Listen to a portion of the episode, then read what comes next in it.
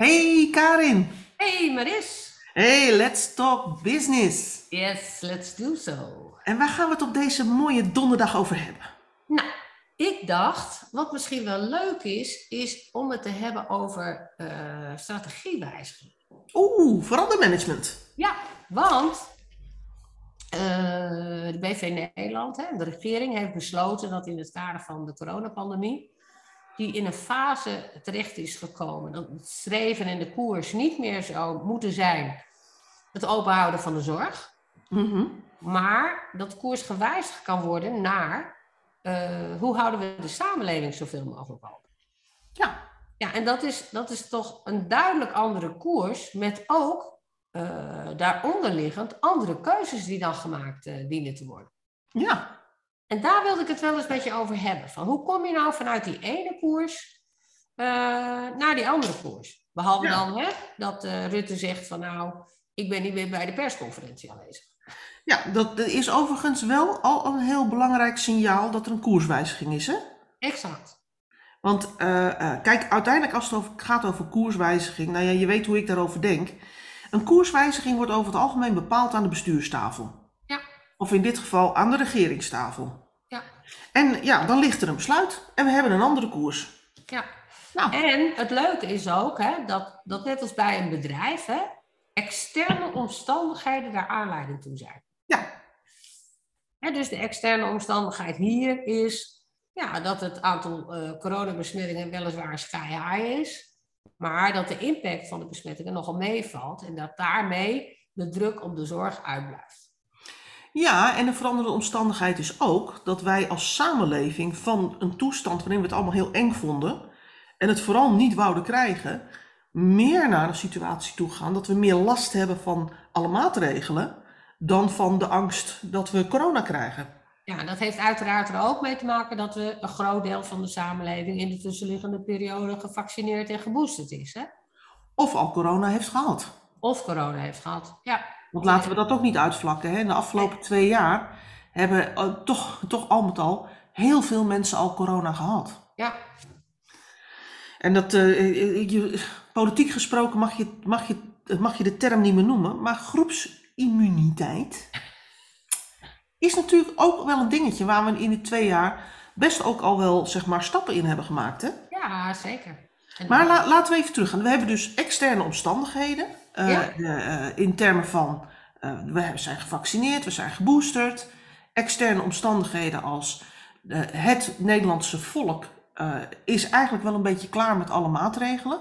ook dat. Afgewogen ten opzichte van de angst die we hebben om corona te krijgen.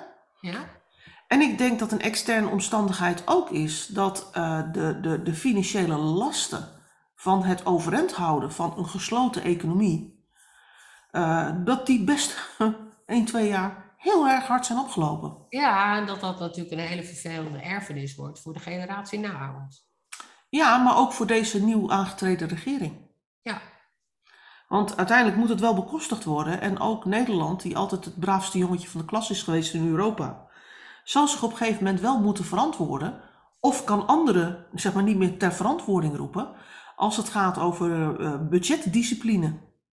Nou ja, en het houden aan de ratio's hè, die, eh, die eh, in, in Europees verband zijn afgesproken. Ja, precies. Maar ik denk dat dat voor Nederland nog wel, eh, dat daar nog wel eh, wat- remweg in, eh, in zit, om maar in financiële termen te praten.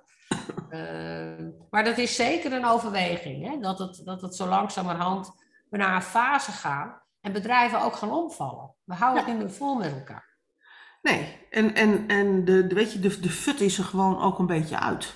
Ja, Nou, en, en eigenlijk zeg maar even, jij zei van nou, een koerswijziging, hè? Toen zei ik van ja, dat wordt, eh, dat, die koerswijziging is eigenlijk heel makkelijk. Een koerswijziging is heel makkelijk. ja, Want je zit aan een bestuurstafel, in dit geval aan de regeringstafel, je neemt al die overwegingen mee en je zegt nou, jongens, we gaan het anders doen.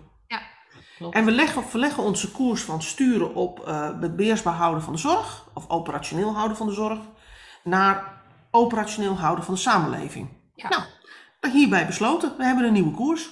ja, En het probleem is, dan begint het pas. zo is het. En dan komen we in het wondere vakgebied van veranderingsmanagement, verandermanagement. En het, en, het, en het mooie vind ik dat de aankondiging dat, uh, van Rutte dat hij niet meer bij de volgende persconferentie zou zijn, uh, gaf hier in huis al, al wat, heel wat aanleiding om te zeggen van er komt een koerswijziging. Ja. en het mooie is dat je dus ook, en dat kunnen, daar kunnen organisaties echt heel veel van leren, dat uh, dit, dit managen van de verwachtingen, dat dat een spel is wat onze politiek wel heel goed speelt. Ja, hoewel ze, klopt, hoewel ze ook nog steeds een slag om de arm houden. Hè? Ja. En dat, dat doen ze denk ik goed in het kader van verwachtingmanagement. Hè? Dus mocht er de komende week nog van alles misgaan, uh, of andere data voorhanden zijn, dan, uh, dan hebben ze van tevoren al gezegd, uh, geen toezeggingen gedaan. Overigens, ook daardoor geleerd hè, in de afgelopen periode. Ja, ja. Maar ik wil nu, voordat we heel erg lang op de koerswijziging en het politieke aspect van, deze, van dit onderwerp ingaan, wil ik toch even naar ja, verandermanagement. Hè? Want zoals jij zegt, is het heel makkelijk om te zeggen van, nou het is overigens niet makkelijk hoor. Je moet goed naar de buitenkant kijken om te zeggen van ja, in algemene zin, hè, misschien in dit voorbeeld wat minder. Maar als je een organisatie bent, hè, je volgt trends en ontwikkelingen in die buitenwereld, dan uh, vergt het ook gewoon moed om je, om je koers te verleggen. Ja. en de koers verleggen aan zich is niet zo ingewikkeld, hè, want ik bedoel, je spreekt het uit en de koers is verlegd. Maar dan, hè? Dan ja. komt er natuurlijk heel wat achteraan. En wat zijn dan volgens jou de eerste stappen die je zou moeten nemen? Communicatie. Oké. Okay. De tweede stap, communicatie. En de derde stap, communicatie. Um, gek genoeg is het deze week, vorige week niet, weet ik niet meer, maar in een van de masterclasses die we hadden met onze vaststuk MBA-studenten, die ja. wat verder in de, in de opleiding zijn, hadden we dit onderwerp ook aan de, aan, aan de, aan de vork. En toen was ook de opmerking van, uh, ja, maar weet je, uh, bij ons de communicatie loopt niet zo lekker. Nee. Oké, okay, wat voor, over wat voor communicatie heb je het? Nou, over een koerswijziging. En dan zeggen ze van, ja, weet je, dus, dus de directie is op, een, op de zeepkist gegaan en heeft het gecommuniceerd. En we hebben nog een intern uh, krantje gehad en het staat op de website. Ja, nou, en dat was het. Ja, kijk, en het, principe wat erachter zit, is als je nou aan zo'n directie vraagt van, hoe zit het nou met interne communicatie? Zeggen ze, nou, je, over die koerswijziging? Daar zijn we nou al zo lang mee bezig. Waarom wil het nou niet landen bij mensen? Ik heb ook aan, aan uitgelegd van, hoe, hoe werkt nou zo'n proces, hè? Zo'n directie is bezig met, uh, met het tot zich nemen van externe informatie, praat met stakeholders, uh, heeft intern discussies, doet onderzoeken, heeft er nog een discussie over. Vindt het eng? Kijk ook naar onze regeringen. Deze maatregelen, de landen om ons heen, hebben allemaal al vergaande versoepelingen gehad. En waar wij vinden het eng. Want op het moment dat je een koers verlegt, betekent ook dat je risico gaat nemen. En op het moment dat wij als maatschappij meer open gaan, betekent het ook dat de overheid accepteert, onze regering accepteert, dat we bovenop die 400.000 besmettingen per dag die we nu registreren, dat er nog eens een keertje, zeg maar, uh, uh, nog, nog een hoos bovenop komt. Als we alle maatregelen loslaten. Dus het is, er zit een risico in, laat ik het maar zo zeggen. Dus we zijn over het algemeen, praten we er aan de bestuurstafel heel lang over. En op het moment dat dan eindelijk het besluit wordt genomen, dan communiceren we dat 1, 2, 3 keer. En dan zijn we er klaar mee, want we hebben het er al zo lang over. Ja, aan de bestuurstafel wel maar in de organisatie nog niet. Nee, exact. En ik heb daar een beetje als algemene richtlijn meegegeven. De tijd die je er als bestuur over praat, keer twee heb je nodig om het in de organisatie te laten landen. Ja. Want die organisatie is behalve met verandering ook bezig met going concern. Ja. Dus de gewone activiteiten die gedaan moeten worden om het proces te laten lopen, om klanten te bedienen en dat soort zaken. En, en, en daar als ik gewoon kijk naar, vanuit mijn ervaring, hè, en ik ben heel benieuwd hoe jij daarnaar kijkt, maar vanuit mijn ervaring, daar zit vaak de crux waar het misgaat met verandermanagement. Ja, ik, uh, ik deel dat. Uh, uh, wat, je, wat je in de praktijk te vaak ziet, is eh, bestuurders hè, die zeggen van, nou, we hebben er lang en breed over gehad. Dit moet het worden, hè, dit is de koers. jongens, gast En dan vervolgens de aansluiting met de organisatie verliezen. Ja, En dat is het slechtste wat kan gebeuren, omdat uiteindelijk de mensen zijn op de werkvloer en binnen de organisatie die verandering gestalte moeten geven. Dus ik deel dat, wat je zegt. ja. En, en dan maakt het natuurlijk wel uit over wat voor soort veranderingen je het hebt, hè? Ja, Als het erover gaat, joh, we werken eh, eh, eh, zeg maar, met, de machine linksom of met de machine rechtsom, dan is dat nog niet zo heel erg lastig. Maar op het moment dat je praat over echt gedragswijziging van mensen, of zelfs paradigmawijziging in termen van wat vinden wij normaal, waar gaan we voor, wat vinden we belangrijk, ja, dat zijn veranderingen die gewoon heel veel tijd vragen. ja, exact. En we, heb- we hebben gezegd dat we het er niet over zouden hebben, maar ik kom toch even op de, op de hele eh, eh, Nederlandse MeToo, eh, ik ook dus, zal ik maar zeggen, discussie. En, Ja. en, en, en, nou ja, we hebben natuurlijk de afgelopen dagen ook tijd met onze studenten komt het regelmatig aan de orde. Die hele cultuurwijziging die we met elkaar moeten doormaken, dat we het niet normaal vinden om dickpics te versturen. Eh, het is ook gewoon niet normaal. Maar voor sommige mensen is het blijkbaar heel normaal. Eh, eh, Zo'n cultuurverandering over hoe gaan mannen en vrouwen met elkaar om en wat is normaal gedrag tussen mannen en vrouwen, dat is, dat is, dat is echt een paradigmaverandering. Ja, dat betekent dat we het een, een ander normaal moeten vinden in ons denken. Ja. Dat zijn wel veranderingen die heel veel tijd vragen. ja, En continue aandacht en communicatie. ja, En, dan, en, dan, en dat is zeg maar, wat we nu doen. hè, De aandacht verleggen van, met, eh, als het gaat over corona, van beheersbaar houden en operationeel houden van de zorg. Naar operationeel houden van de samenleving. Is eigenlijk maar een hele kleine technische eh, verandering. ja.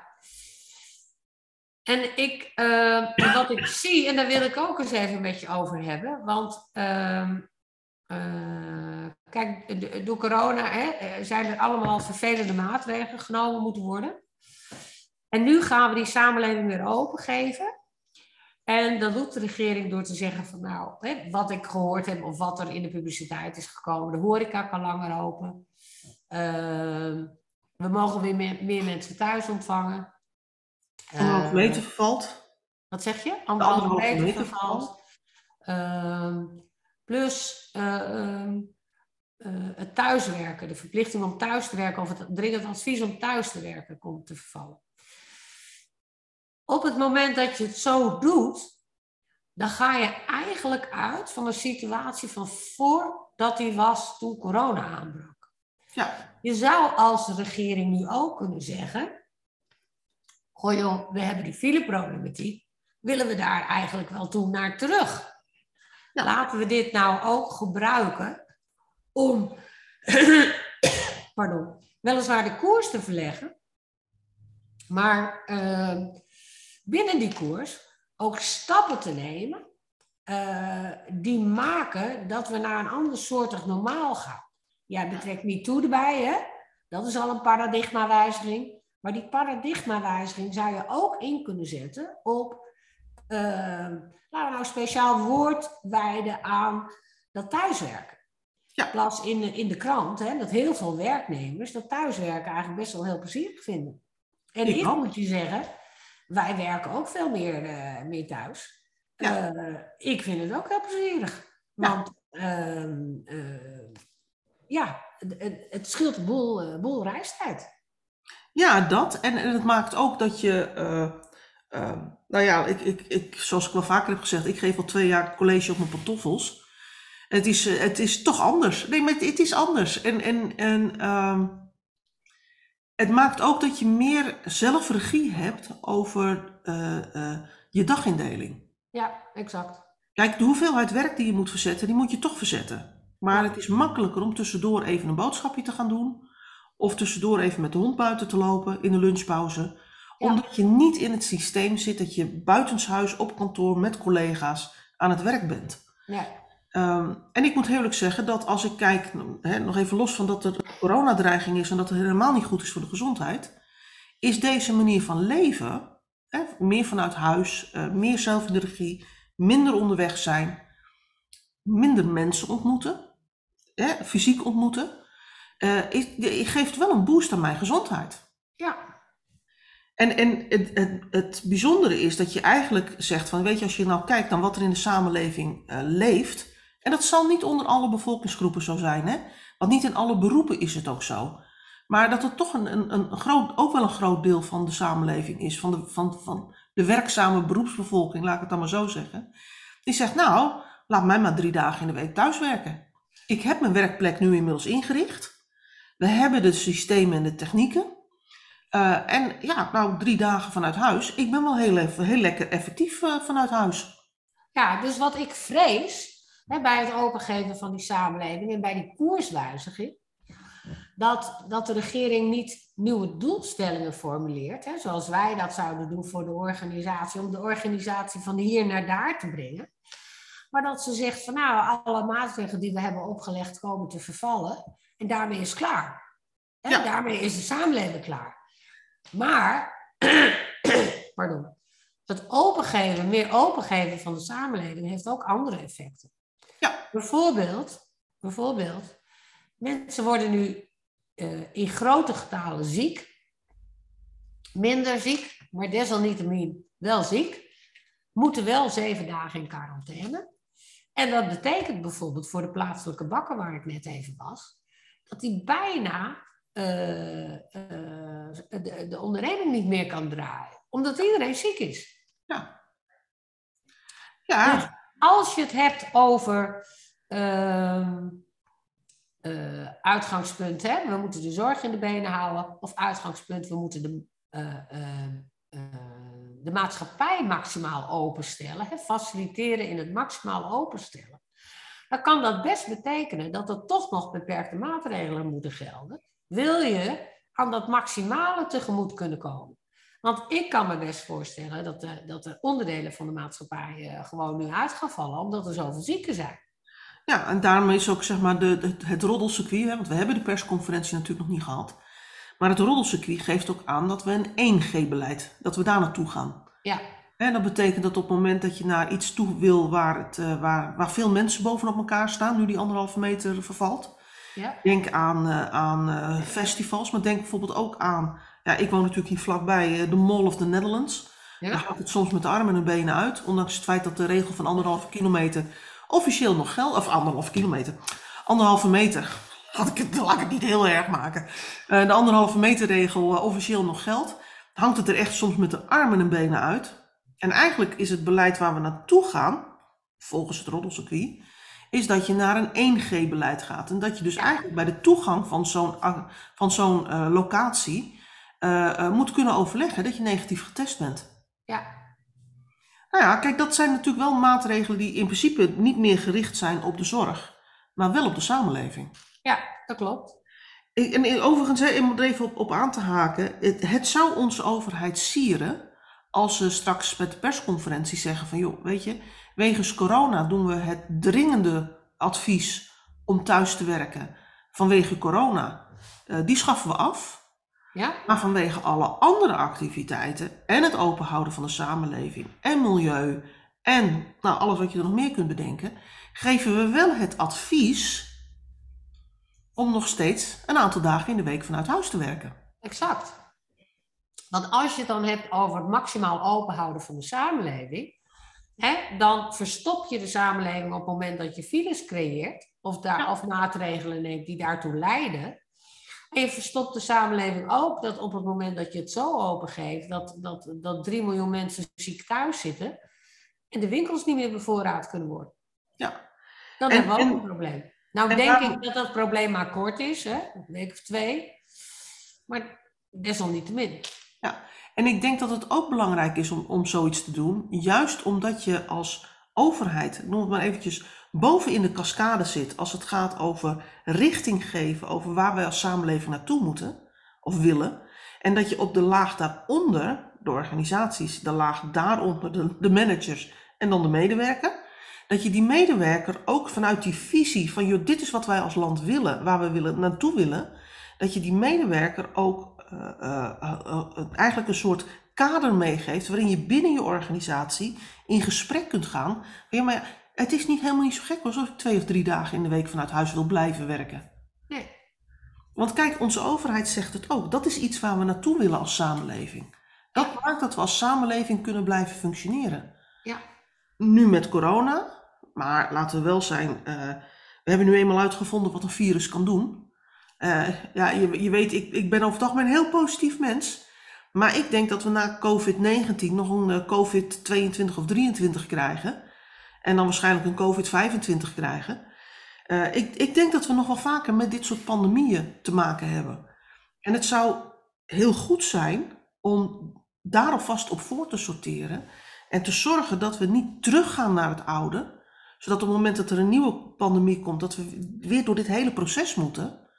Maar dat we eigenlijk de lessons learned vanuit deze pandemie meenemen naar en wat vinden, hoe gaan wij nou als, als samenleving functioneren?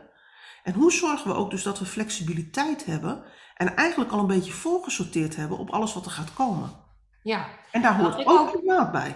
Ja, precies. En wat ik ook belangrijk vind, is dat je niet alleen voorsorteert op de volgende pandemie. Hè? Dus dat je zeg maar een soort van roadmap hebt hè? van what to do uh, uh, when accidents occur, om het zo maar te zeggen. Uh, maar dat je ook in die zin leert van deze pandemie, omdat um, op onderdelen de maatregelen die genomen, hè, dus gedwongen genomen zijn, dat die op andere vlakken positief effect hebben gehad. Ik noem filevorming, ik noem klimaat. En, en als dat ook een van je doelstellingen is, waarom zou je dan uh, zo'n maatregel niet inzetten om die andere doelen uh, mede vorm te geven. Of in ieder geval daar in positieve zin aan te werken. Ja, en dan, en dan kun je er geen verplichting van maken hè, als overheid, want in zo'n land werken wij, wonen wij nog, nog eenmaal niet. Nee. Uh, maar je kunt het wel adviseren. Zeg maar, dat zou toch wel heel wenselijk zijn als we de, ook de lessons learned uit deze periode meenemen. Exact. En met elkaar constateren dat wij inderdaad een digitale kennissamenleving zijn. Exact. Of, of voor een deel dat zijn. Hè, want we hebben gewoon, laten we wel zijn, we hebben heel veel beroepen waar mensen gewoon naar een locatie toe moeten. Ja. Uh, en, en dat is ook prima, hè? dat kan. Dat, hè? Ook dat hebben we geleerd, dat, dat we dat kunnen managen met elkaar. Ja. Maar dat het niet van iedereen hoeft. En ja. dat het systeem van, nou, ik, uh, voor corona hadden we een systeem van, nou, ik gun het je dat je een dagje thuis mag werken. Ja. Nee, nee, je gaat gewoon twee of drie dagen thuis werken. En laten we wel zijn, op het moment dat je twee of drie dagen in de week thuis werkt en je gaat ook naar kantoor één of twee dagen, uh, zeg maar, waarmee je je collega's treft, waar je je brainstorms kunt doen en al dat soort zaken. Juist die dingen waarvoor je wel bij elkaar zou moeten zijn.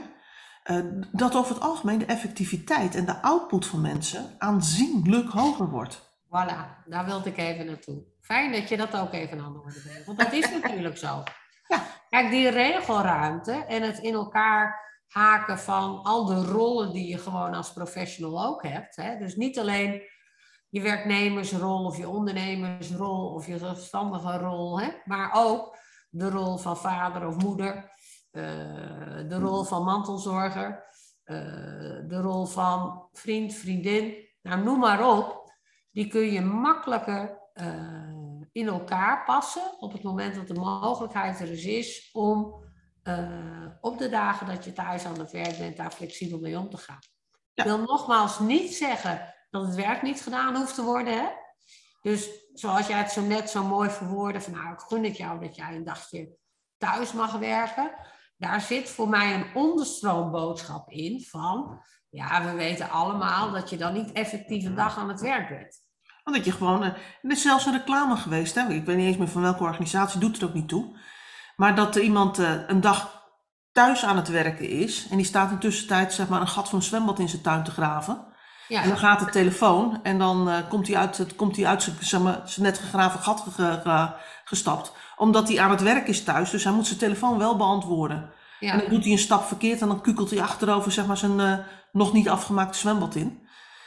Uh, en, en daar, wordt, daar worden dus ook gewoon geintjes over gemaakt, om, omdat het algemene beeld was, als je thuis werkt, heb je eigenlijk gewoon een vrije dag op kosten van de zaak.